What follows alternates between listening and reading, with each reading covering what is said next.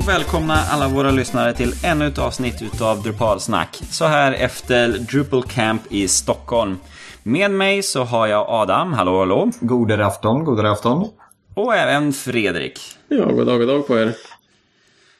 Och det är ju trevligt att vara tillbaka på, på norrländsk mark här igen. Man eh, blir ju lite sugen på vår här nu när man varit i Stockholm, men eh, Eh, Eh, du Adam, du var ju inte där nere i Stockholm. Du var ju och eh, upplevde riktig snö du. Ja, precis. Jag var ju på, inte riktigt så nordliga breddgrader som, som ni befinner er på nu när vi sitter och spelar in. Men jag var ju tyvärr, eh, kanske jag ska säga i Drupal-sammanhang, i Trysil på lite skidsemester. Vi brukar alltid åka en vecka på våren för vi är lite skidtokiga slalomtokiga i familjen här. Så att eh, precis som förra året, eh, vi lyckats eh, få in den här veckan precis när det är Drupalcamp uppe i vår kära huvudstad. Så att eh, jag eh, kommer att eh, lyssna mycket och höra vad ni har berättat eftersom min enda intag ifrån Drupalcamp Stockholm har i stort sett varit via Twitter än så länge. Och du då Fredrik, vad tyckte du? Är, är det, är, längtar du efter våren här nu? Ja, idag fick vi två och en halv, tre dess i nysnö. Jag trodde att våren var på väg men det har bara vräkt ner hela dagen. Puder, det är väl en minus tio nästan. Men kvällens program ska vi ägna åt campen i Stockholm. Den eh, var ju nu den 15 mars. En lördag från morgon till kväll. Började någonstans där vid 9-ish och slutade, det beror på hur mycket du följde med Mårten. Men eh, eh, vissa gick ju hem tidigare vid eh, nio tiden och andra stannade till, eh, ja jag vet inte, 4-5 på natten. Men lokalen stängde väl vid 10 eller någonting tidigare de sa. De kanske drog vidare. Ja, eh, jo. Eh, lokalen stängde, larmades vid 10 så att eh, då var ju alla utanför. Men eh, sen var det ju pubaktiviteter. Så eh, min kollega kom hem vid 12 till hotellrummet. Jag var tvungen att avvika tidigare för jag var, blev lite, lite trött och så. Jag hade lite en sjukdom i kroppen så att eh, jag var tvungen att gå hem tidigare. Så det var lite synd men det jag upplevde var väldigt kul. Um, campen hölls ju som sagt i Stockholm på en lokal som heter uh, Startup of Sweden, SUP 46. Och uh, det låg väldigt centralt och man uh, vid nio tiden så kom man dit och registrerade sig via vanlig Drupal Camp-förfarandet. Man säger sitt namn och de bockar av och säger upp, här, skriv ditt namn och börjar mingla. Eh, sen så var det en keynote utav Rob Douglas. Eh, många kanske har hört talas om honom. Han är ju en framstående talare på eh, DrupalCon eh, och driver Drupal.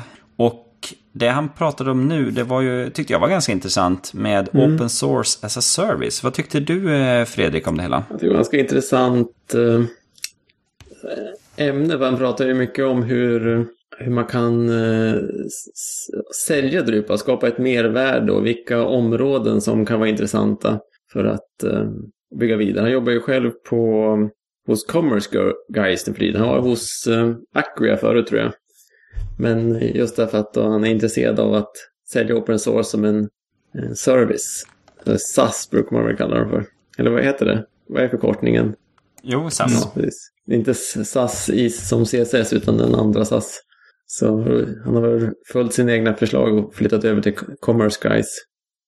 Och det tror jag definitivt är ett, eh, ett område. Han pratar ju om hur eh, många procent påslag man kunde ta om man eh, var vanlig webbutvecklare eller om man var eh, sålde hosting eller om man sålde det som en, eh, som en service, som en tjänst. Ja, han utgick ju från Drees eh, svar som han gjorde på Reddit under den här Ask Me Anything eh, kategorin. Där det var en person som just ställde frågan om jag, eh, om jag ska starta en Drupal-relaterat eh, företag, eh, vad ska jag satsa på? Och eh, Dries eh, har ju, han gjorde en sån uppskattning att eh, det finns tre typer av Drupal-företag. Antingen som man eh, Drupal-konsult. Och då har man oftast en vinst, vinstmarginal på runt 20-35%. Eller så kan man bli en specialist på Drupal hosting. Och då kan man ha lite högre marginaler, 45-65%. Eller så kan man ju då vara en sån eh, SAS-leverantör, alltså Software as a Service. Och då kan man gå upp mot 75% i, i vinstmarginalen. För att tjäna pengar medan man sover, sa de. Ja. Och det var ju det Rob talade om. Mm. Han tog ju upp några exempel där också. Jag måste komma ihåg vad han pratade om. Ja men just det här med distributioner. Det finns ju olika just för eh, restaurang, eh, hemsidor eller hotellbokningar. Och hur man kan paketera sådana eller bygga egna. Och just sälja det som en, eh, en tjänst på nätet. Det är då man, eh, om man lyckas marknadsföra det hela, så det är då man kan sälja och tjäna mycket pengar. Det var ganska roligt hans infallsvinkel på det här med, som pratar om eh, Eh, hur mycket man kunde tjäna på saker. Så var han, poängen med att man tjänade mycket, det var för då kunde man avsätta resurser som kunde få jobba med Drupal Core och med hela communityn och sådär. Då hade man hade företaget resurser att ha låta folk eh, jobba med bara Drupal varje fredag eller ha en eller två anställda som bara sysslade med Drupal. Precis som eh, Acquia gör ju det. De har ju ett gäng folk runt eh, som bara jobbar med Drupal Core. Och då, eh, om man bara sitter och jobbar och jobbar och jobbar och för att betala hyra och sånt där så måste man bara jobba 40 timmar i veckan. Och är man en normal människa med familj och sånt där, då har man ju inget... Då blir det väldigt begränsad tid som man har att satsa på eh, core-utveckling och underhålla sina moduler och sådana saker. Det är helt klart lättare om man har ett företag som hovar in pengar så att man, då är det lättare att avsätta tid. Jo, de hade ju Commerce Guys också tappat en utvecklare för att han ville satsa mer på core-utvecklaren. Utveckling Och då det, mm, tyckte de ju var tråkigt att tappa en, men eh, de inser ju behovet att kunna erbjuda just sådana saker. Så att, eh, nej men det var, jag tycker det var en väldigt bra keynote. Och eh, det var väldigt trevligt att få ha eh, en sån eh, kändis med. Jag var ju på Con i Prag och då eh, drog han ju sitt projekt eh, angående klassisk musik. Då hans fru är eh, en sån professionell eh, konsertpianist. Eh, det är ju som så att inspelningar utav klassisk musik är copyrightade som standard. Med, eh, även om noter och sånt är öppet och det finns ingen copyright så just inspelningar utav eh, orkestrar och sånt är copyrightade. Så hans fru håller på att jobba med att ta fram studioversioner utav klassisk musik som är open source. Ah. Så att eh, det höll han ett föredrag om och eh, jag tycker det är ett väldigt bra initiativ. Mm, absolut. Jag blev intervjuad av, eh, av Rob för ett... Eh, jag skulle bli anställd på ett ställe, eller de skulle hyra in mig. Då hade de eh, Acquia som filtrerade folk så de skulle få bra kandidater. Och då när jag pratade med Rob så visade det sig att vi hade våra user ID på drupal.org var det var bara några steg emellan, så vi hade gått med samma vecka på drupal.org. Ja. Sen eh, nästa steg i programmet. Då eh, fick man ju välja. Antingen var det Ruben som höll eh, en session om Contributing to Drupal 8, via Drupal Hero. Eller så var det Emil och Malin som höll framtidssäkra teman för Drupal. Och där tror jag vi både, båda valde samma. Det valde väl Ruben båda två va? Nej, jag var på och lyssnade på teman ja. Jaha, ja men då så. Då, vi, då får du berätta för mig vad det handlade om. Det, de gick igenom hur Wunderkraut eh, bygger teman idag. Det var mycket prat om, eh, om SAS, om att använda bundler för att fixa med dependencies och hur de strukturerar sina CSS, hur, hur de delar upp dem och hur de, det har de, alltså SAS-filerna då. Mm. De kör uteslutande på SAS och uteslutande på Mobile First och sådär idag. Så det var kanske inte eh, så mycket nytt för, för mig, men det var en, en bra genomgång. Det är ju inte fel att få höra, kan jag tänka mig, som ensam utvecklare eller ensam ensam, men att få höra då från ett, ett eh, större företag som har kanske dussintals utvecklare som man måste ta hänsyn till på ett eller annat sätt. Och de som satt och lyssnade så var det kanske, de frågade, var inte handuppräckning, det var väl 10% max som arbetade med SAS till exempel, eller något liknande system. Mm. Så det var definitivt en, intressant för de flesta som var där. Mm. Var det något nytt för dig då, Fredrik? Du har ju ändå jobbat i eh, SAS och Kompass. Ja, nej, det är ungefär så som jag jobbar i de större projekt jag är med, jag är med i. Att man just använder eh, bundler också för att fixa dependencies på alla gemmar man behöver. Det är också ett, eh, har- börjar bli mer och mer standard idag. Det är ett väldigt smidigt sätt. Och lite kort gemmar är alltså gems i... Ja, Ruby, Ruby Gems. Ja, För att eh, SAS och Compass är byggt i, i Ruby så man, när man ska ta hem de funktionerna så får man köra en gem install. Mm. Då kan man ha ett, eh, en eh, det kallas för, för eh, bundle, ett program som tar hand om, då kan man specificera en fil i sitt projekt med precis vilka versioner och allting som behövs. För då har man ju SAS och Kompass och så har man ju en massa andra små tillägg då som behövs för att kanske bearbeta bilder och komprimera dem. Och det, man kan ha en hel radda med små paket som gör olika saker. Och för att då få rätt versioner som passar ihop och som gör så att alla utvecklare har samma versioner och det fungerar på samma sätt och sådär. Eh, då kan man specificera det i en fil och så kör man bara bundle install och så är det klart. Och så kommer det vara likadant för alla utvecklarna. Det himla smidiga då är att man kan vara med faktiskt i jobba i flera projekt och det kan vara olika versioner på dem och då eh, de här kan hålla flera versioner av SAS installerade samtidigt, flera versioner av Compass och så. Det fungerar överallt. bra. En liten utvikning där. Du då, Kristoffer? Ja, vad jag lyssnade på Ruben där. Om att eh, be a Drupal hero. Eh, men det var inte så mycket om själva det, utan det var en, eh, en genomgång om Drupal 8. Eh, de nya sakerna som har kommit dit. Så att det mesta där hade jag hört om tidigare. Jag har ju ändå lite koll på det hela. Hade han några baconbilder den här gången? Nå, jo, men det var någon där i alla fall.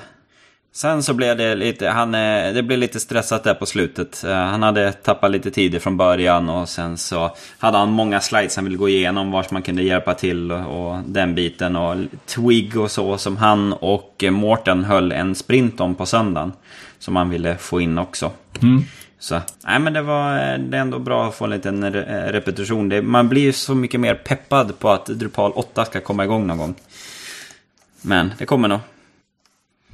Sen nästa så eh, var det här Use Cases for Drupal Commerce eller Swegov. Det borde finnas en distribution för svenska myndigheter. Själv var jag där på Use Cases for Drupal Commerce. Jag var på S- Svegav. Ja, Så lämpligt. Ja. Ja. täckte upp det här rätt så bra grabbar. Ja, jag kan ju börja med min. Eh, Christian Polso är en eh, finsk eh, utvecklare som eh, jobbar i en byrå där som eh, har just specialiserat sig på commerce webbshoppar. Och berättade lite grann hur de hade löst lite olika saker. Och det som blev, han fick ju återkoppla egentligen lite saker till det Rob Douglas pratade om. Jag glömde nämna det. För eh, Rob Douglas som höll keynoten gjorde väldigt mycket PR om en ny modul i Commerce som heter Commerce Licensing. Där man har nu lagt ner väldigt mycket tid och energi eh, för att hantera regelbunden eller oregelbunden eh, återkommande faktureringar eller betalningar. Just för att kunna stödja sådana här SAS-lösningar. Där man eh, med Commerce License kan eh, ta betalt per förbrukad enhet. Det kan vara CPU eller användare eller vad man vill. Och eh, på den här eh, session då om use cases från Drupal Commerce så eh, berättade han lite grann om ett projekt där de hade haft där de hade fått byggt en sån lösning själv och där han eh, nu senaste veckan har fått eh, se att det kommer en modul som skulle kunna göra det mycket enklare för dem. Eh, men i övrigt så var det inte... Ja, han visar ju lite olika webbshoppar som de hade gjort. Men det var inga sådana här eh, jättespeciella eller eh, ja... Mm, det var, det var webbshoppar. Det är ju intressant att det finns flera att välja mellan. Mm, men i övrigt så var det ingenting så dunderspeciellt med den. Mm. Jag var sagt och lyssnade på Mattias från eh, Happiness är väl han från tror jag. Om, pratade om Svegav. Det var lite hänvisning till. Det finns ju Drupal-distributioner som är direkt riktade för myndigheter och kommuner och sånt. Både i USA och i Australien. Så pratade han om, eh, så det var mer lite boff-aktigt. Mycket diskussion om eh, Skulle det finnas ett intresse av att bygga något sånt i Sverige? Skulle det finnas behov? Hur skulle man bygga? Vad ska man tänka på? Sådär. Jag är själv eh, ganska intresserad av det här. Jag skulle gärna vilja bygga någon distribution för svenska kommuner och sådär. Så det var en ganska bra diskussion. Man tog upp mycket intressanta aspekter på hur man ska bygga och för att det ska fungera i verkligheten och bli bra för både de som ska använda det och för de som ska bygga det och så. Mm. Ja, en bra genomgång. Hoppas det kan det har lyft lite idéer hos folk så att vi kanske kan komma vidare. Men kändes det som att det fanns ett sug bland folk att utveckla något sånt? Ja, det var något gäng som var intresserade av det. Det var fullsatt där i alla fall. Det var, det var nog en 10-15 stycken som pratade och hade idéer och funderingar och mm. var aktiva. Så jag tror att det finns... Dels är det ju intressant ur att man öppnar upp en ny marknad för Drupal. Att det mm. kanske finns som konsulter och sånt lite, lite pengar att tjäna. Och så är det ju som skattebetalare vore det intressant om kommuner och sånt använder Drupal mer för det skulle säkert dels bli bättre hemsidor eh, i många fall eh, och eh, kanske billigare dessutom. Mer effektivt åtminstone. Men har, vi som barnföräldrar har använt e-tjänsten hos er kommun. Det är ett mörker ofta. Ja. Användarmässigt och tekniskt. Och... Då förstår man varje kommun ska bygga någonting själv och det blir dyrt och rätt komplicerat. Och... Vad gick du och lyssnade mm. på sen då, Kristoffer? Sen gick jag och lyssnade på Anita Hoff som eh, pratade om det ska vara lättare att vara stockholmare på webben. Eh, och där knyter det ju lite an, men det handlar ju om en, vi ska se, det är ju inte Stockholms stad, men det är ju en, eh, det är en del, del i det hela. Eh, som, jo det är ju Stockholms stad. Eh, där man har gjort ett projekt eh, inom eh, kommunen där att eh, alla gymnasieskolor och hög, ja det är framförallt gymnasieskolor och högstadieskolor. Jag är osäker vilket spann det var det, men det var alltså 170 skolor. De skulle ha en gemensam profil eh, för sina skolor. Och det har man landat i att det har blivit en, en Drupal-lösning. Eh, eh, där varje, varje sajt utgår eh, ifrån typ samma installationsprofil. Eh, och där administratörerna kan göra sina egna Eh, vissa egna lokala inställningar men mycket ska vara samma. Och man har styrt upp ja, hur ska Stockholms stads logga synas? För den, den ska ju finnas med på alla sajter. Och pratade om hur skolan just nu eh, konkurrerar emot eh, priv privata aktörer. Och det måste man möta även på webben för de som söker det. Men även skolorna internt konkurrerar mot varandra för att barn kan gå på, mm, gå på skolor ganska långt bort. Eh, så det var väldigt intressant, framförallt eftersom min eh, kollega är lärare på en gymnasieskola här uppe i Örnsköldsvik. Och eh, där har man Eh, en stor brist i, i sitt webbengagemang. Eh, vi har försökt uppvakta dem men det, det är för mycket byråkrati just nu i kommunen. Så att eh, det var väldigt intressant. Vi ska försöka få några skol, vår skolledning att titta på hennes session via Bambuser om kvaliteten är tillräckligt bra. Så att, eh, men det var intressant att se, för att hon är ju en beställare utav projekt och hennes bild och vad hon tyckte. Och Eh, mycket hade ju blivit bra för dem, men det hade ju ändå varit vissa eh, gupp på vägen. Och du då, Fredrik? Var du på den andra den här gången också eller? Tänkt att gå dit, men jag fastnade i korridoren och pratade med folk. Och sen var det lunch. Ja. Det såg lite intressant ut annars, den, just det här med hantera översättningar. Det, jag har inte... Vad jag förstår så är det någon typ av um, tjänst på nätet där man kan uh, samla in hjälp. Folk kan få enkelt att hjälpa till att översätta ens uh, programvara eller tjänst eller sådär.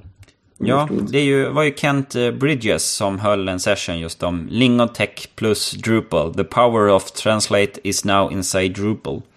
Och jag har läst lite grann om det hela. De har ju släppt en modul här nu. Hur man kan integrera Drupal-översättning och även content-översättning med Lingotech som är en sån förmedlingstjänst för översättning om jag har förstått det rätt. Det stod, ja, Automatic eh, Translation har de också så att eh, det är en översättningstjänst.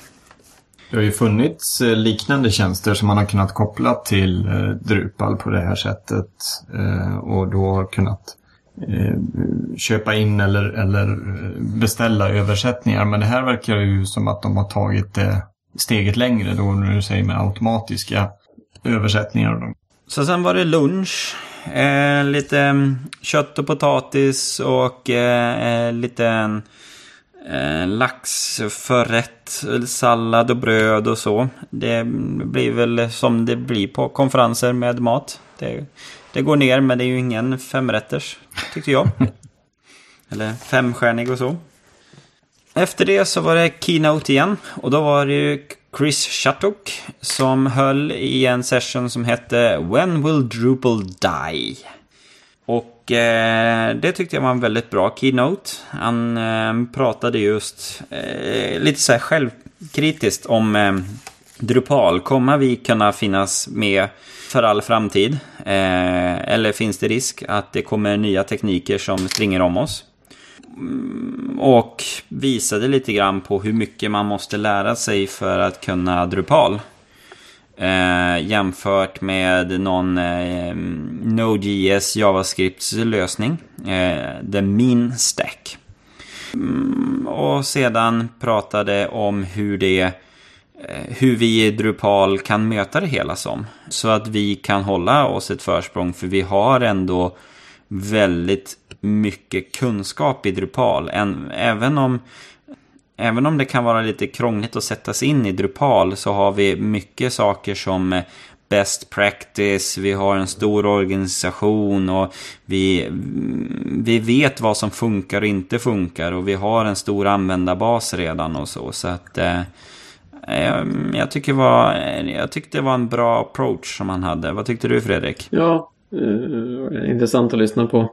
Också till hans kommentar just om att eftersom vi har funnits med ett tag, det finns en stabilitet, att man kan företag som känner att Drupal kan man lita på.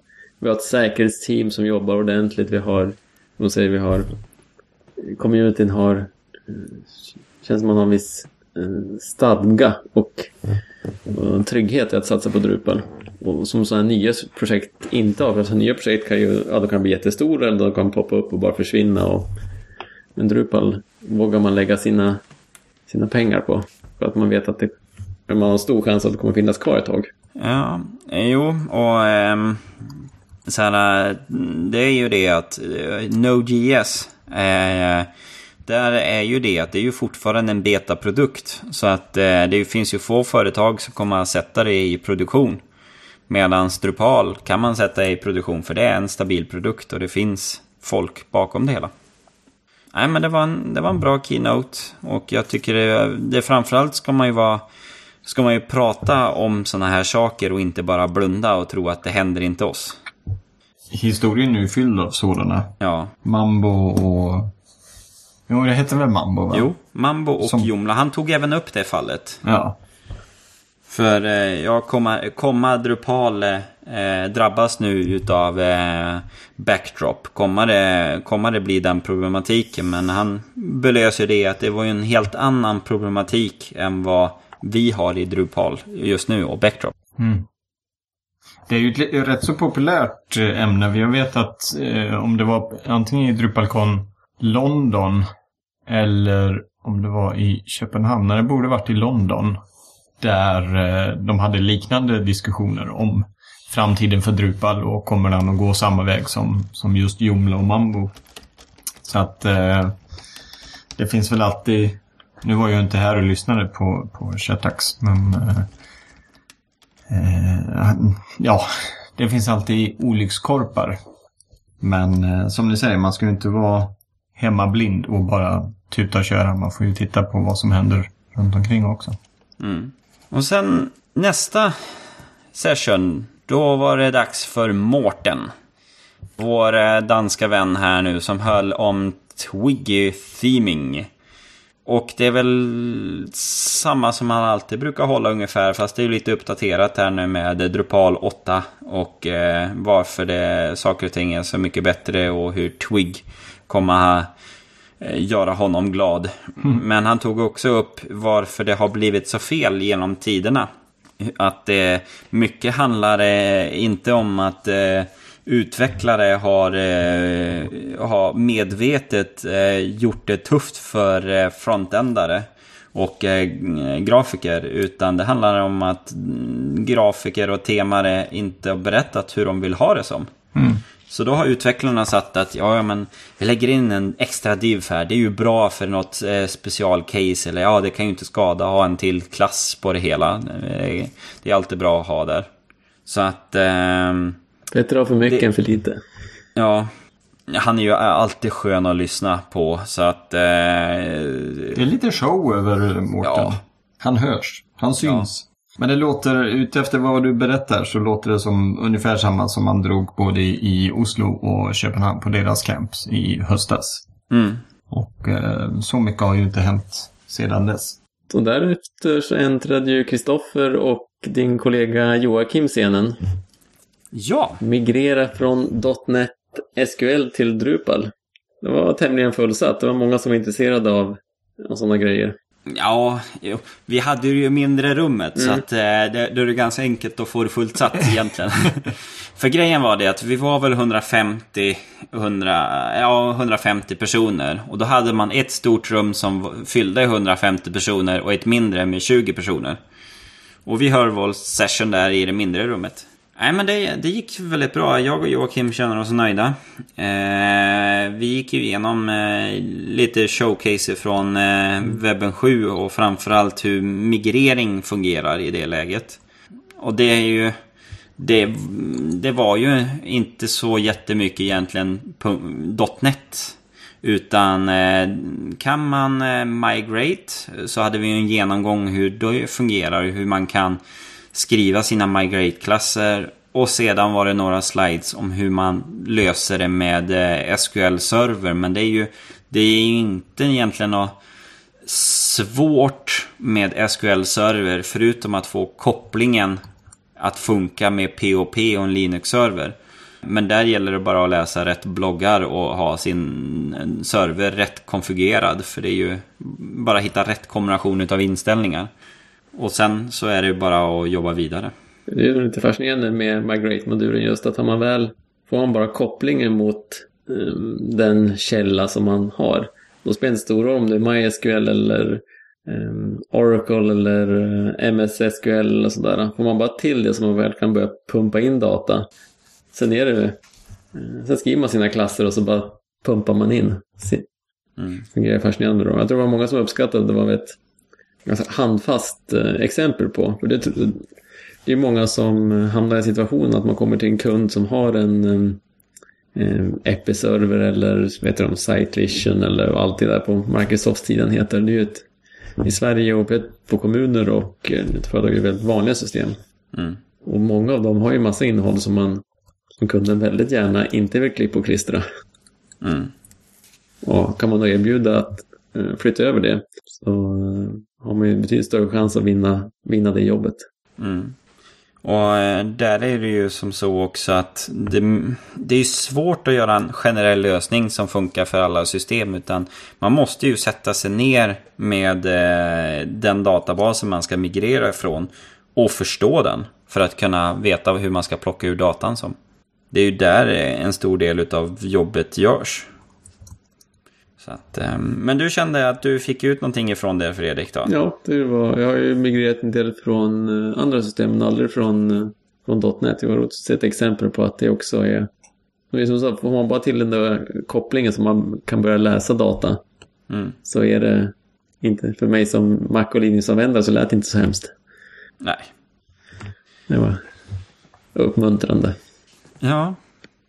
Så då missar vi båda två eh, Janne Kalliola. Kalliola? Ja. Growing and Managing Drupal Organizations. Den missade vi då, så det, det vet vi inte riktigt vad den handlade om. Det går att läsa lite grann om vad det handlade om, men inget konkret där. Så sen så blev det lite kaffepaus. Och efter det så var det två session. Antingen så var det Thomas eh, eh, Barengren, eh, Content is King igen.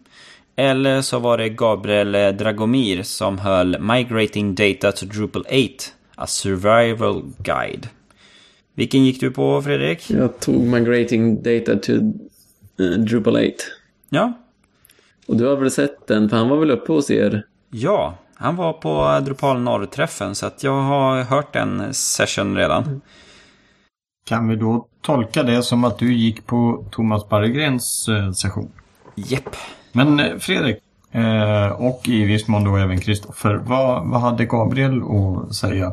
För det, att migrera data till Drupal 8 är ju jätteintressant. Speciellt för en, för en annan som sitter med många äldre sajter både på jobbet och i min, på min privata plan. Han visar en del hur man, eh, han har varit med och byggt upp där i, i Drupal 8 och hur man ska, det var jag glatt överraskad över att vad jag förstår har de jobbat på eh, migrering både från Drupal 6 och um, Drupal 7.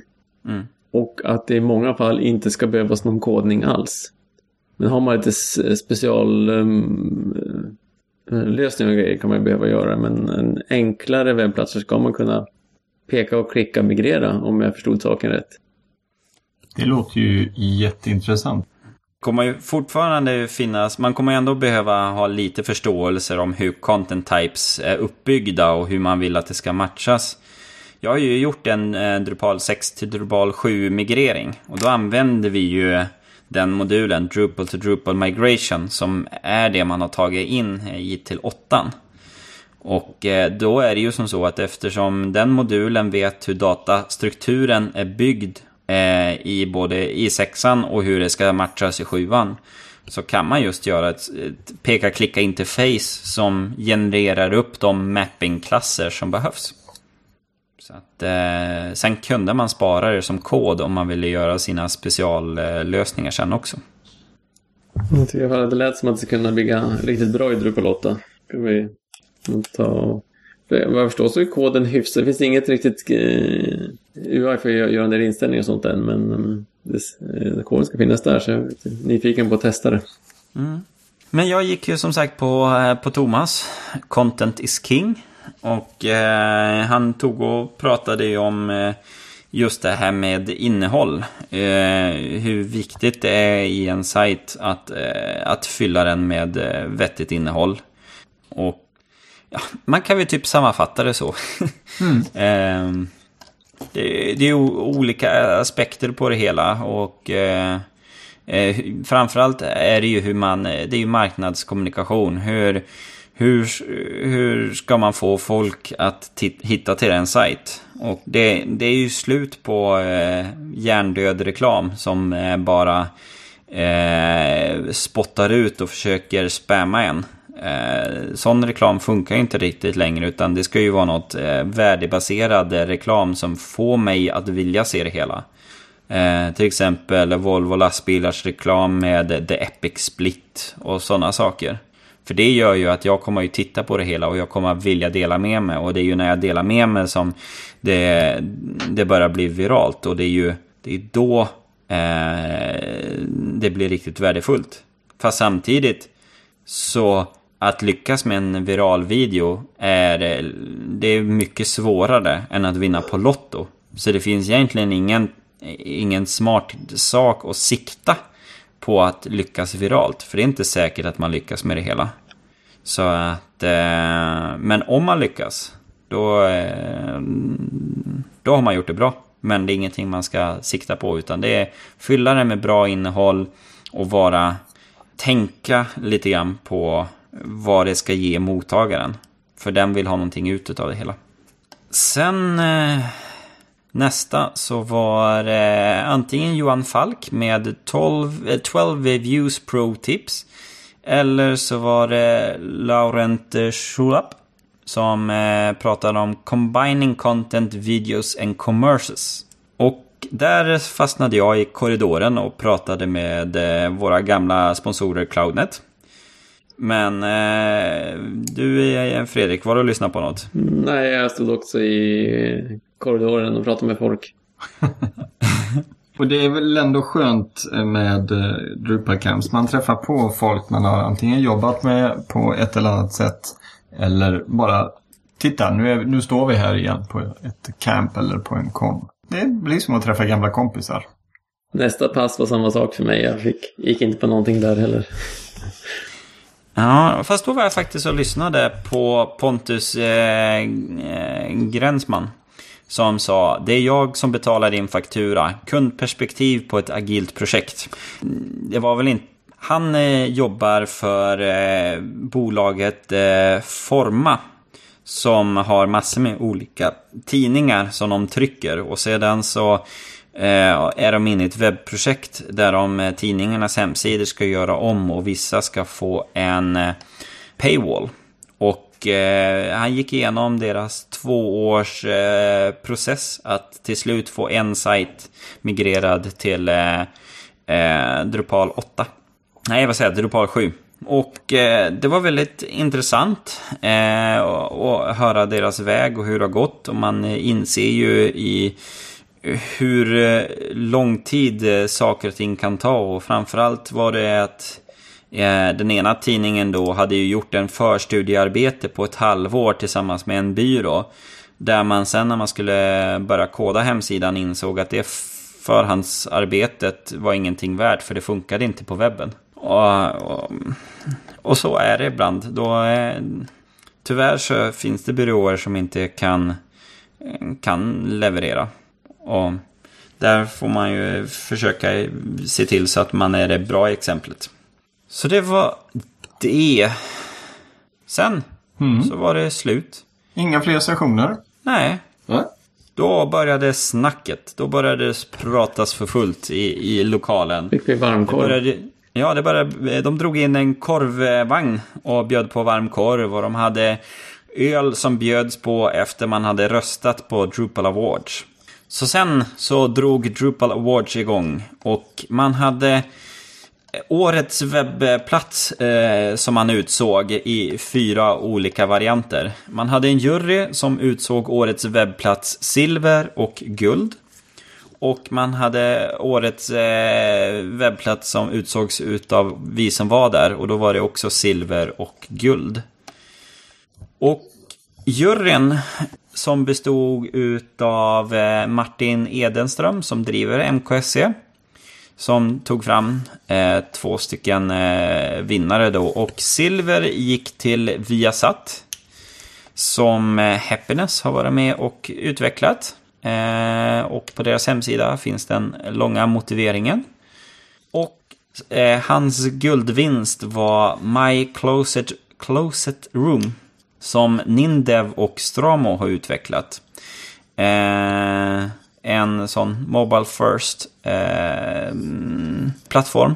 En eh, iPad-app som är byggt från Drupal. Och sedan eh, Folkets röst. Eh, underbetonat, vem har flest anhängare på Drupal Camp Stockholm? Där fick Silver, Silver gick då till eh, Snow Software som Stormfors har utvecklat. Eh, och guld gick till Wunderkraut för Market. Och det var den här eh, kundsajten som jag var och lyssnade på på sista session. Som är en sån eh, paywall. Där, eh, där man hade gått från en Epi-server. Och eh, han drog som en liten- anekdot att eh, de hade fått den första betalanden efter en halvtimme live. Så att eh, det hade gått väldigt bra att gå live med sajten. Så det var, eh, det var de första punkterna där. Sen började det bli eh, trivselaktiviteterna då. Då hade vi Trivler Night som... Eh, vad heter han på Happiness? Vi ska se här. Eh, Mattias, Mattias Axelsson höll i tillsammans med lite hjälp. Och eh, han hade lovat att det skulle bli lite enklare frågor än på DrupalCon. Eh, för där hade de också en Trivial Night. Och det är helt enkelt en, en frågetävling där man i, i, eh, i lag försöker svara på riktigt nördiga frågor om Drupal. Och eh, han hade nog lyckats göra dem minst lika svåra som på konnen. Eh, det var allt ifrån eh, vilken medlem var först i Drupal eh, eh, Sweden-gruppen till eh, vilken version utav jQuery finns i Drupal eh, 6, 7 och 8. Um, ehm, och lite sådana saker. Så det, det, är väldigt kul och man får ju utmana sig själv. Men eh, för de som är nya i Drupal så blir det nog ölen eh, mer viktig. Nog för de hade en, eh, en omgång som just bara handlade om öl. Eh, allt ifrån Amsterdams ölsorter till eh, Prags eh, och så gamla ölsorter till Münchens eh, delar. Så att eh, de kunde väl få ut lite grann av det hela. Mitt lag blev tvåa. Ja. Och eh, vi, eh, jag var i ett utav två, eller jag var med i två utav två lag. Vi hade Drupal Norr 1 och Drupal Norr 2. Där vi försökte safea och vara lite taktiskt och svara lite olika. Eh, men det gick inte så bra för oss. Vi var sju personer i två lag så vi, ja, vi kunde inte dela upp oss. Var det någon eh, trevlig vinst för de som vann då? Det var nog äran vad jag förstod. Ja, det var nog äran. Jag har inte någon minne. Det var inte som på DrupalCon där de delade ut massor med giveaways-saker. Så det att, behövs ju inte heller. Nej. Det är ju bara trevligt att, att ha någon kvällsaktivitet. Ja, jag tycker det var väldigt kul. Sen var jag tvungen att avvika, då behövde jag få sova och vila. Eh, men sen var det dags för en, en trollkar på besök. Stannar du för det Fredrik va? Mm, jag såg lite som hastigast men sen eh, stod jag utanför och pratade med lite folk och sen gick jag hem jag också. Min kollega hade varit där och han, eh, när han kom till hotellrummet så eh, så var han väldigt förbrydd. Så här. Han kunde inte förstå hur trollkarlen hade gjort vissa saker. så vi försökte dissekera hans trick och kunna hitta så här, hur hade han lyckats med det hela. Allt ifrån att han hade en kortlek där sex personer slumpmässigt fick välja ut kort ur en kortlek och där han efteråt kunde lista ut vilka kort de sex olika personerna hade tagit. Och eh, hur en eh, sida från en bok kunde dyka upp i ett kuvert och det kuvertet var utdelat långt innan numret ens hade börjat. Innan sidan ens hade rivits ur boken. Mm. Sådana grejer, det, det kan man ju gå och fundera på i all evighet. Men jag tror det är något elektroniskt. Angående boken där så har vi teorin att eh, han måste ha bytt bok mitt i numret. Så den första när han fick boken först, den som eh, eh valde sida, då har, de, då har han säkert en bok som har, alla har samma sida i sig. Och sedan eh, när eh, personen ska titta i boken och se att en sida är utriven, då får den en ny bok som har den sidan utriven. Ah. Och då vet, eh, så här, och då kan man i kuvertet redan ha lagt den där massproducerade sidan sen tidigare. Det är vår teori. Mm. Mm. Och sen vid typ åtta tiden så hade det visst kommit en DJ som var och spelade på eh, i stora salen där. Och enligt ryktet så hade allt folk försvunnit då. Så att eh, det hade inte varit... Eh, folk ville visst prata och inte dansa på ett golv tillsammans med alla andra nördar. Och kanske inte helt taktiskt val på en Drupalcon. Nej, det är då man ska ha ett nördigt band som sjunger Drupal-låtar. Med Johan Falk i, i, som lead. Vad var, vad var bäst på campet då under, under lördagen? Eh, Fredrik, vad tycker du var bäst? Alla, alla kategorier, allt, allt som du upplevde. Allt ifrån eh, välkomst, handskakningen till eh, nu är det dags att knalla hem för jag är trött. Eh, Träffa folk, eh, så är det ju alltid. Mm. Visst var det en, var jag på en, ett par intressanta föreläsningar, men hela poängen med att vara där är att träffa lite folk. Kristoffer, vad säger du? Hålla en session själv. Men eh, ja, eh, jag skulle nog säga också att träffa folk. Det är grymt kul att träffa personer och få knyta kontakter och det är ju det viktigaste att inse att man, man är inte själv med koden. Man är ett community bakom koden och det går att påverka och det går att lära sig nya saker. Mm. Stannade ni kvar på, på söndagen sen när det var eh, kodsprint? Nej, jag åkte hem rätt tid på söndag förmiddag ja. Och för vår del så blev det att vi hade inte hur mycket tid som helst. Och att gå till själva eh, byrån där sprinten höll skulle ju göra att vår mesta tid utav dagen hade försvunnit. För vi, det skulle nog ta en halvtimme att gå dit och sen en halvtimme tillbaka. Och vi är för snåla för att ta taxi. Ja. Eh, så att eh, vi satt lite grann i hotellobbyn och eh, kodade lite kundprojekt som vi försökte få bort. N- nördade loss där istället, Ja. lokalt. Det verkar i alla fall som att eh, kodsprinten var uppskattad. I alla fall efter vad jag har kunnat läsa på Twitter. Kul. Mm. Så det var väl det som var om campen. Känner du nu Adam hur mycket du har missat? Ja, eh, och eh, det jag, jag har ju vetat det ända sedan sen eh, de släppte datumet att eh, jag kommer att sakna det. För det, jag håller med er att det är förbaskat kul att åka på camps och träffa folk och sitta och tjata. Det, eh, ja, jag grät en liten skvätt där på lördagen faktiskt. Och eh, sanningen att säga så höll jag mig borta ifrån Twitter hela lördagen och merparten av söndagen faktiskt. För jag visste att det kommer bara vara massa, massa tweets om, eh, om campen. Så Du grät hela vägen ner för Alperna. ja, om det hade varit Alperna så hade det varit lite enklare. Nu, nu blev det ju ett litet fjäll i, i Norge. Men Ja, eh, ja, det var, det var, det var var det förra året du var ner till eh, Alperna. ja, förra året var vi i Alperna. Ja,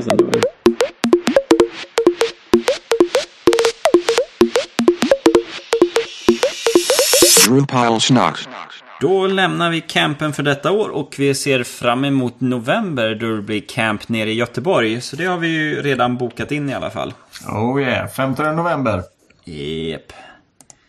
Sen lite, lite korta nyheter här. Eh, vi har ju eh, lite olika Drupal eh, Association-nyheter. Eh, den ena är teamet bakom Drupal.org som just nu har startat upp ett projekt, eh, Reinventing Reinventingdrupal.org. Eh, där man har satt igång en arbetsgrupp där man siktar på att 2015 ha en nydesignad och förbättrad version utav Drupal.org. Inte projektsidor och issuekön utan det folk möts utav när man kommer in på Drupal.org. Hur ska det se ut och så. Så att eh, nu söker de folk som har åsikter om det hela. Så att man, eh, man ska också genomföra eh, kund, eh, eller ja, f- ja, kundundersökningar. Vad folk når och vad är, vad är viktigt på sajten och hur ska den byggas om. Så att det är kul med sådana initiativ. Den, eh, jag tycker den funkar men samtidigt är det alltid kul när det blir en uppfräschning utav sidor. Eh, sen var det en bloggpost som gick ut eh, av eh, Hollow Ross, vår eh, eh, hon som leder eh, Association. Där hon just ställer en fråga. Should Drupal.org participate in political issues? Och eh, det handlar ju egentligen om att eh, man, man var ju med i den här, vad ska man säga, kampanjen som var The Day We Fight Back. Som handlade mer om NSA-övervakning och de bitarna. Och det dök upp en pop-up eller en eh, banner längst nere där man kunde vara med i en sån eh, omröstning och säga att eh, låt internet vara fritt.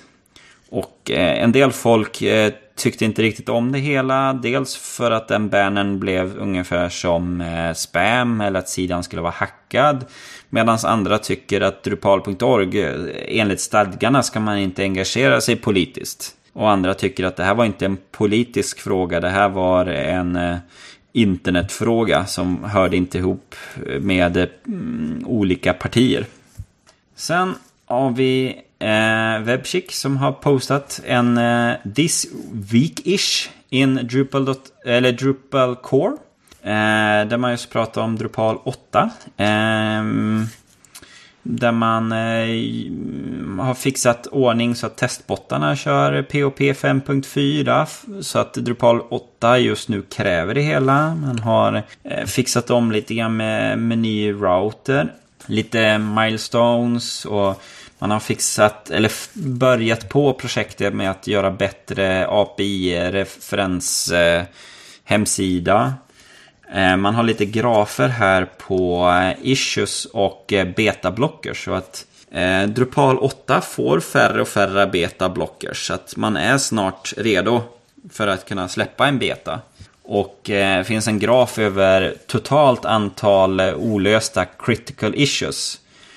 Och den har varit uppe och toppat på 150 issues. Men har det senaste halvåret eh, sjunkit och det är ju kul att se att vi är som över toppen. Nu börjar vi beta av problem. Och lite commits här. Man har eh, fixat ordning lite prestandard eh, angående parsning utav jämmelfiler. och lite annat så här smått och gott issues. Det är kul att se. Det går framåt. Eh, vi, det var någon jag pratade med på campen om när tror vi att det lanseras. Och jag tror någon gång i, i höst är det inte allt för omöjligt att eh, åttan kan komma.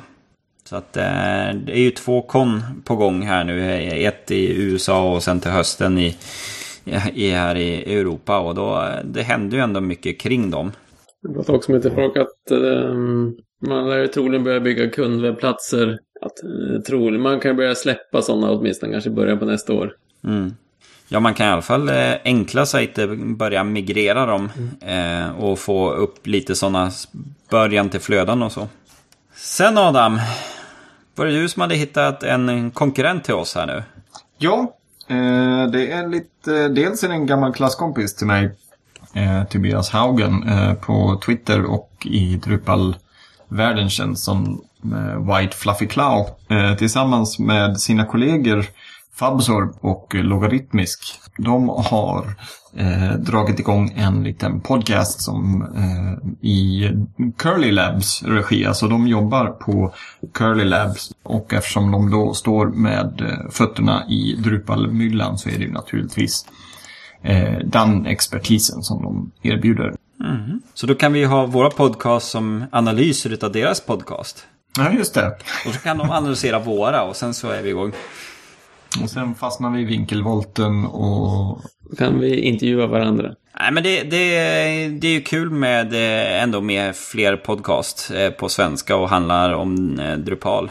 Det visar ju att folk ändå är engagerade och tycker det är kul. Och mm. Vi gör ju inte den här podcasten för att vi ska få eh, eh miljontals pengar eller eh, få alla i världen att lyssna på oss. Vi gör det ju här för att vi tycker det är kul. Och då är det kul att det är fler som tycker det är kul också. Och sen så... Eh, en sajt som har dykt upp, en ny sajt i mitt flöde är Stormfors som har släppt en eh, sida Skattebetalarna. Eh, är en sån eh, en, en, förening som har eh, valt eh, Stormfors som leverantör. Sen kan jag ha missat annat, så har ni några sajter, ni som lyssnar, som känner att de här vill jag puffa på lite grann. Det är bara mejla in till oss så gör vi reklam för dem. Så fort det kommer till nya sajtsläpp så brukar jag, och det finns en sökruta så brukar jag alltid söka på Lorem. Och eh, jo då. Det blev en liten träff på skattebetalarna.se. Så där, vi kanske ska ha en podcast här framöver om hur man eh, analyserar Drupal-sajter i olika varianter. Mm, ingen dum idé. Hur gör man för att se om det är en vettig sajt eller inte? Ja, mm. hur mycket har de lagt eh, tid på detaljer? Som ingen annan än oss Drupal-medvetna vet om. Man går till, eh, man skriver eh, slash node i adressraden. Se vad som händer. Den måste Det vi. gör vi allihop här. Ja, Se där ja, se där. Ja, mm. Mm, ja, mm. Ja, så här, tackar jag så hemskt mycket för ikväll. Och eh, för er som inte lyssnar vidare på eh, eftersnacket här nu så säger jag ju eh, hej och godnatt till er. Och jag tackar Adam och Fredrik för att ni har varit med och pratat. Så tackar så mycket. Hej då! Hej då. Hej då!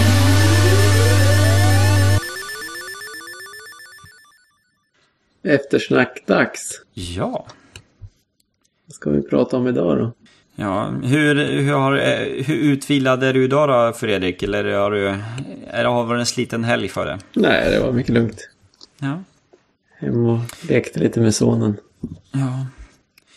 Hur lång tid tog det att åka till Stockholm uppifrån dig? Jag flög så en timme. Jaha, okej. Så idag är jag lite åkte- trött efter all skottningen. Nästan jag egentligen borde varit ute en... Jag får göra det imorgon bitti. En tredje gång och skotta. Ja, nej, vi åkte tåg så att eh, vi åkte vid eh, halv tre tiden och kom fram åtta på kvällen. Fast den var ju halv nio innan jag var hemma vid huset så att... Eh, det är sina sex timmars tid där. Och med lite Sen var riktiga tåg i det här landet så hade det tagit två och en halv. Ja. Sen var internet jätteinstabilt på tåget. Vi började jobba lite grann men till slut var vi tvungna att inse att det funkar inte. När man får pingtider på 4-5 sekunder, då är det långsamt. Ja, sen eh, vår tävling som vi hade där under eh, campen, det var ju ingen som såg. Så vi får, göra, vi får komma på tävlingar tidigare. Ja, det var lite i, i sista sekunder. Ja. Men, ehm, ja, ja. Det, det kommer fler tillfällen. Det kommer fler camps och det kommer fler möjligheter att, att eh, fixa lite tävlingar och sånt. Ja. Men vi hade vår eh, roll-up på plats där. Inne i stora rummet så fanns alla företags roll-ups där och vi fick ställa dit våran också. Jag hade kollat med dem och de, eh, de stödjer community-engagemang så att då fick vi ha den där. Ja, Den såg riktigt bra ut Adam. Ja, den gjorde det. Trevligt, trevligt. Du ska få några hö- högupplösta bilder på eh, linjerna och så får du se om de är skarpa eller inte. Ja, underbart. Det, det ser jag fram emot. Ja. Det, var, det är kul att jobba i eh, Illustrator men eh, det här är ju första gången som jag har gjort, eller där resultatet har blivit något större än en, en affisch. Mm. Eh, Något sådant. Eh, Jag gjorde i samma veva eh, så gjorde jag till eh, Eh, för Drupal Camp här i Göteborg också. Så att de påminner lite av varandra. Jag har använt samma element. De här eh, linjerna eller strål, strålningslinjerna. Eh, så ser man dem, min, min campkollega här, Daniel, han, han tog ett foto och såg att han stod bredvid Drupal Camp. Så tänkte jag, ah, okej, de är visserligen, den ena är visserligen blå och den andra är grön. Men ja, de är ju ganska lika varandra. Men ja, jag är ju inte designer till yrket så att, eh. Nej men jag tycker de eh, funkade. Ja. Ehm, sen också, vi blev ju omnämnda i quizen. Jaha, För en fråga var, vad heter de tre programledarna i Drupalsnack? ooh, Ja. Kuligt, kuligt. ja, viss, viss folk visste vilka vi var, men andra hade lite, hade visst missat någon och så. Mm. Så att, eh, nej. nej. Det är kul, då vet man ju att då har man ju ändå gjort sig ett litet namn ändå. Kristoffer, du, eh, nu är jag mest nyfiken här. Eh, Du var ju nere på campet i somras här i Göteborg. Ja. Ehm, Var det något som, om du jämför dem, var det något som var bättre eller sämre på det ena eller det andra? Vad, vad, var- vad var bättre på Stockholmscampet än, eh, jämfört med det som du upplevde i, i våras? Ja, ehm, Med, med andra ord, kan jag, kan jag sno någonting? ja. Nej. Nej men en sak är ju det att det var ju väldigt kul att ha kända ansikten i Stockholm. Med Chris Shattuck som jag hade talat om tidigare, Rob eh, och, som var där och Mårten som var där och pratade. Det är ju ändå sådana här Drupal-kändisar. Ja, precis. Sen har ju ni fixat eh, ett riktigt namn där också, vad han heter.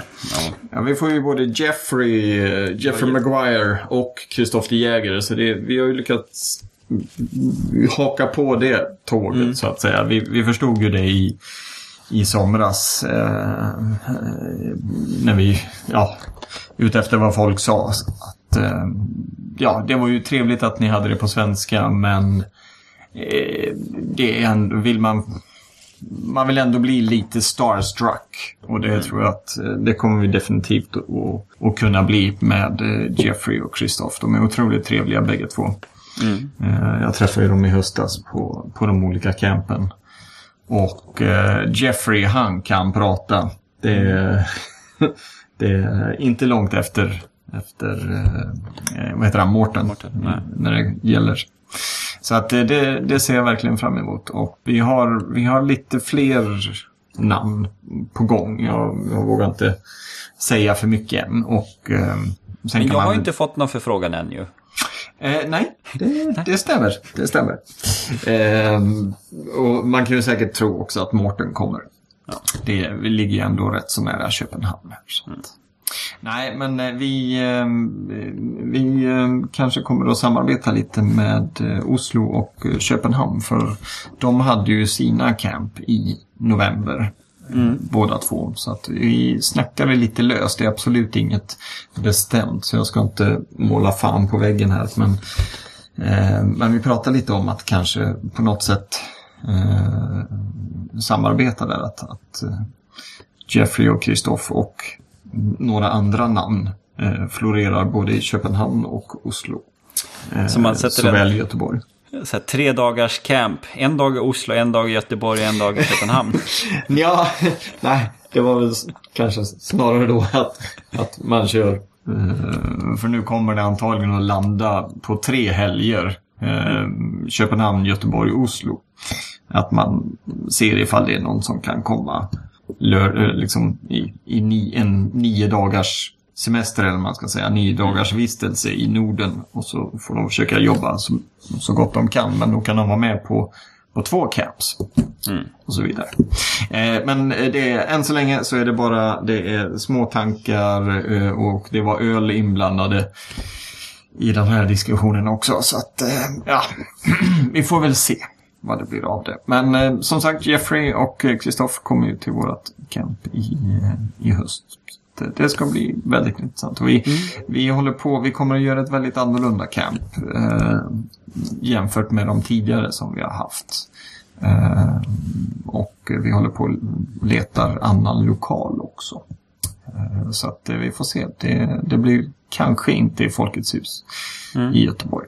Men eh, allt, allt kokar ju ner. All boils down to money. Så att eh, Folkets hus i all ära, det är inte några jättehäftiga lokaler men de är förbaskat billiga. Eh, allt annat är ju minst dubbelt så dyrt eh, efter vad vi kan hitta. Så att, eh, men vi söker vidare. Nej, jag kan ju tycka att egentligen lokalmässigt så tycker jag inte det spelar så stor roll egentligen. Visst, det var på ett startup för eller sådär yta vi var där, men hälften av det var ju avstängt för att det var ju för de som hyrde platser där. Ah, Så att eh, därför så kommer man ju inte riktigt åt det och f- få se och använda sådana saker.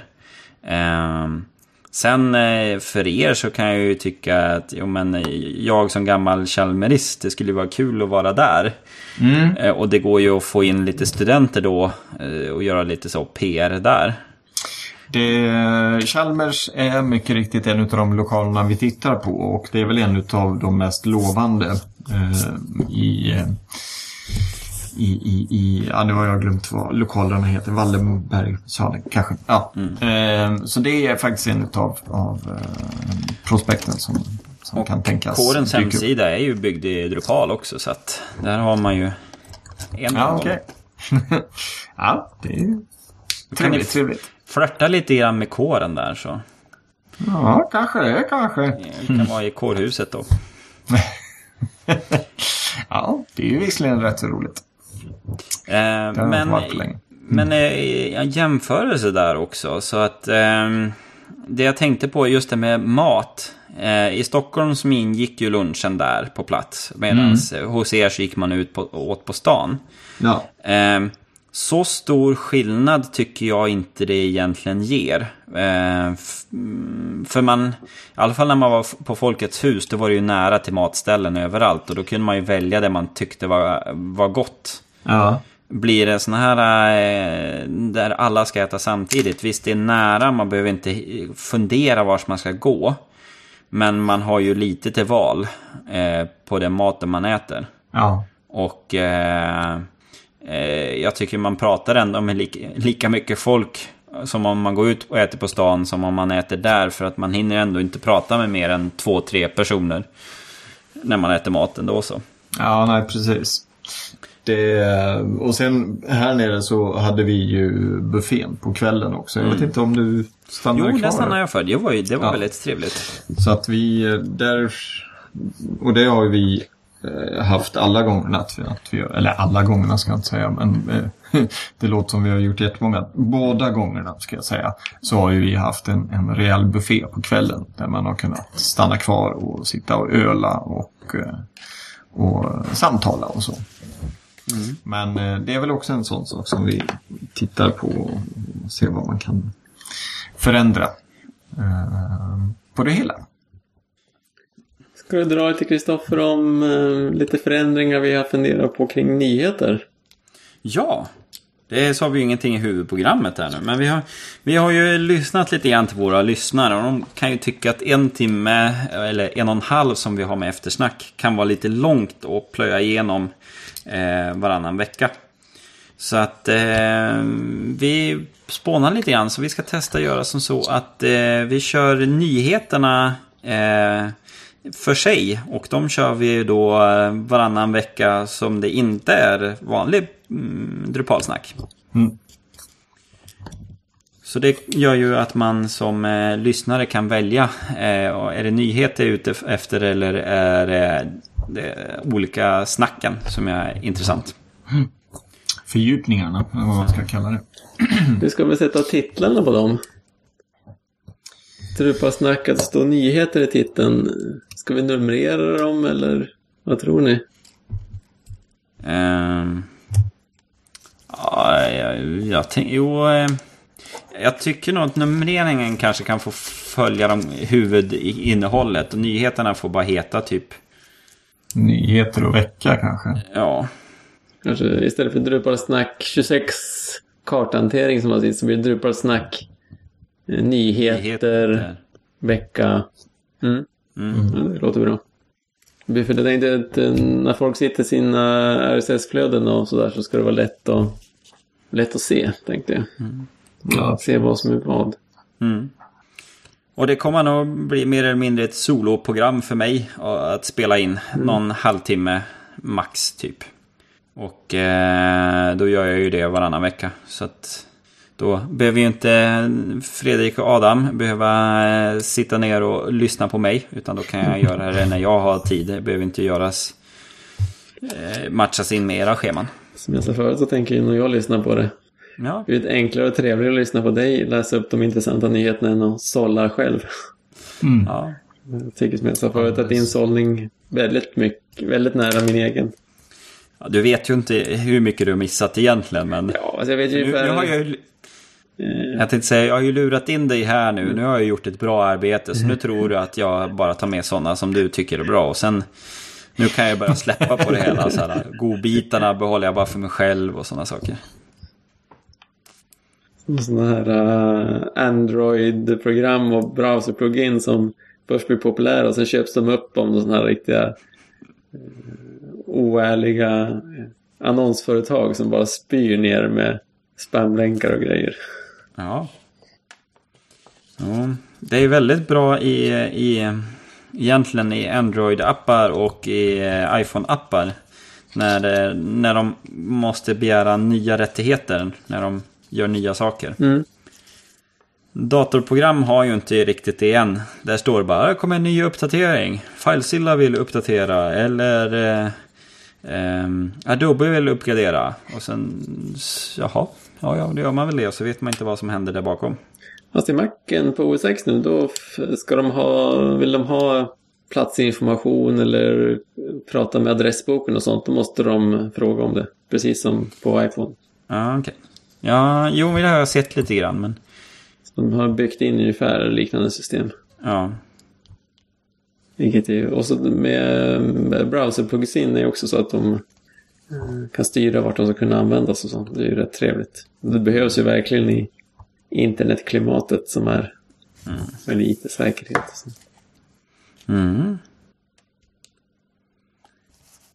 Och sen så tar man ner till Göteborg på någon camp, Adam, så vi får träffas. Vi har ju faktiskt inte träffats på riktigt än. Vi. Nej, precis. Vi har bara snackat vid på det här sättet.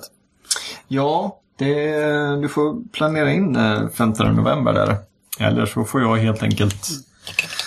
eh, jag får ringa upp till, till Mattias eller, eller någon av de andra som sitter och pysslar med campet där. Och så bara, "Ah, han, nu måste jag få reda på datumet ett halvår i förväg så att jag inte bokar in det. Vi får se. Nästa, nästa vår så går ju min dotter i trean och eh, tydligen så eh, vissa skolor eh, ger inte eh, extra ledigt utöver påsklov och eh, sportlov eftersom det är nationella prov från trean och uppåt. Så att eh, nästa vår kanske vi har en skola som sätter kroppen för eventuell vinter, vintersemester eh, i mars. Vilket eh, då naturligtvis gör eh, om stockholmarna håller eh, sin camp i mars. Så kommer jag kunna åka dit. För Det, det vill jag väldigt gärna. Det, Eller så får vi sammanstråla nere på DrupalCon i Amsterdam till hösten. ja, det är ju en variant också. Dit eh, har i alla fall jag planerat att åka. Ja, Men, eh, Nu får man ju se om det blir så, men eh, man kan ju drömma. ja. Eller man kan ju planera att åka dit i alla fall. Har du funderat på att åka dit, eh, Fredrik? Eh, Jag har inte hunnit tänka så långt. Det var ett tag sedan jag var på någon kon faktiskt. Jag har inte varit sedan Paris. Oj, vad var det? Det var 93 va? Nej, när var det? 2008? 2009? 2009 kanske. 9 och sen var det Köpenhamn 2010 va? Det var London och sen Prag. München också. Och München också. Ja, många missat. München var trevlig. De hade otroliga... Äh, matmässigt så var München otroligt trevligt. Eh, London... Eh, not so much. Eh, bangers and mash till höger och vänster och man fick sitta i trappor och allt möjligt. Medan i München så fanns det eh, små rum överallt med hur mycket mat och efterrätt och sånt. Det var väldigt, väldigt mysigt och trevligt. Jag brukar skämta om att i helvetet så är engelsmännen kockar. Hur var läget?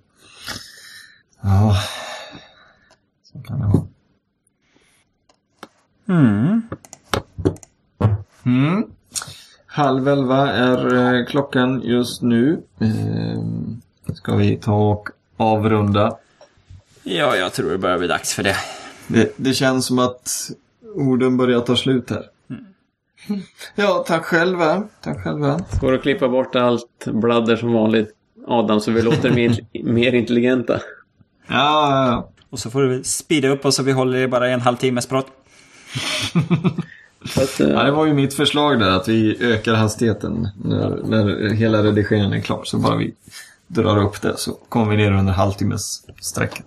Min podcast-app, den kan man öka på från, jag tror upp till tre gångers hastighet. Är, är det bra ljud, då kan man faktiskt förstå vad de säger även på tre gånger. Oj då.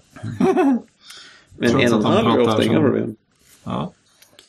Ja, jag läste en eh, kort bloggpost om just hur saker och ting måste gå snabbare nu för tiden. Kurser om hur man läser en bok på 90 minuter och hur man snabbspolar i, i filmer för att eh, skapa tid och så. eh, Oj, oj, oj. Och då, ja. Mm. Jag råkade hamna framför Aliens. Nej, Alien, den första filmen. Uh, för några månader sedan. Den, jag tycker han är fortfarande ruskigt bra och han skrämmer mig fortfarande. Men det är ju, ja vad är det nu? Det måste ju vara nästan 40 år sedan. Nej, kan det vara det? Slutet på 70-talet. Nej, 30-35 år sedan som den släpptes. Och det är ju ett helt annat tempo. Jag trodde han går sådär en halvtimme innan det ens hände någonting. Eh, det var ju så lugnt, segt tempo. Medan nu så är det liksom max 10 sekunder så händer det någonting eh, in, in i filmen. Jo, jag tittade på några filmer som jag redigerade för tio år sedan också. Även om kvaliteten är, på materialet är ju sisådär. Men man märker det att hur man nu för tiden klipper saker mycket snabbare. Då kunde man ha en sekvens som var väldigt länge och så. Ja. Ja, det går snabbt. Men apro- apropå att läsa en bok på 90 minuter. Jag spenderade eh, sena kvällar på skidresan med att läsa ut eh, en trilogi utav Guillermo, Guillermo, Guillermo del Toro. Är svårt det där med dubbel L. Guillermo del Toro. Eh, som bland annat då har, har regisserat Hellboy och eh, Pans labyrint. Han slog sig samman med Chuck Hogan och skrev en trilogi om vampyrer. Eh, som heter Släktet. Det kommer att komma som tv-serie här under våren, eller miniserie. Jag kan säga att det var ruskigt bra. Om man tycker om historier med vampyrer så jävlar i min lilla låda vad den här var bra. Det är sidvändare verkligen för de som tycker om att läsa vampyrhistorier. Jag är inte en så stor fan av det, men de här var ruskigt bra. Och eh, ja, nu är det flera dagar sedan jag läste ut den tredje och sista avslutande boken, men jag kan fortfarande gå sådär. Fasen vad bra de knöt ihop allt på slutet och eh, de fick med lite bibliska motiv och förklaringar och bara ja. Nej men det här kan nog finnas där ute någonstans. Det, det här hade kunnat hända. När man kommer till, till den insikten när det gäller en vampyrhistoria då, då vet man att det är bra grejer. Släng in en länk i Show så ska jag ta och läsa den. Mm. Skriver jag bara. Det, det får jag göra. Det, jag tror den har vara bokklubb eh, sen. premiär. Ska se ifall det står eh, ja, 2014 står det i alla fall. Så att eh, den är på gång. Den är på gång. Sov så gott pojkar. Så gott! Detsamma. Ha det gott. Ja, hej. Hej. Hej.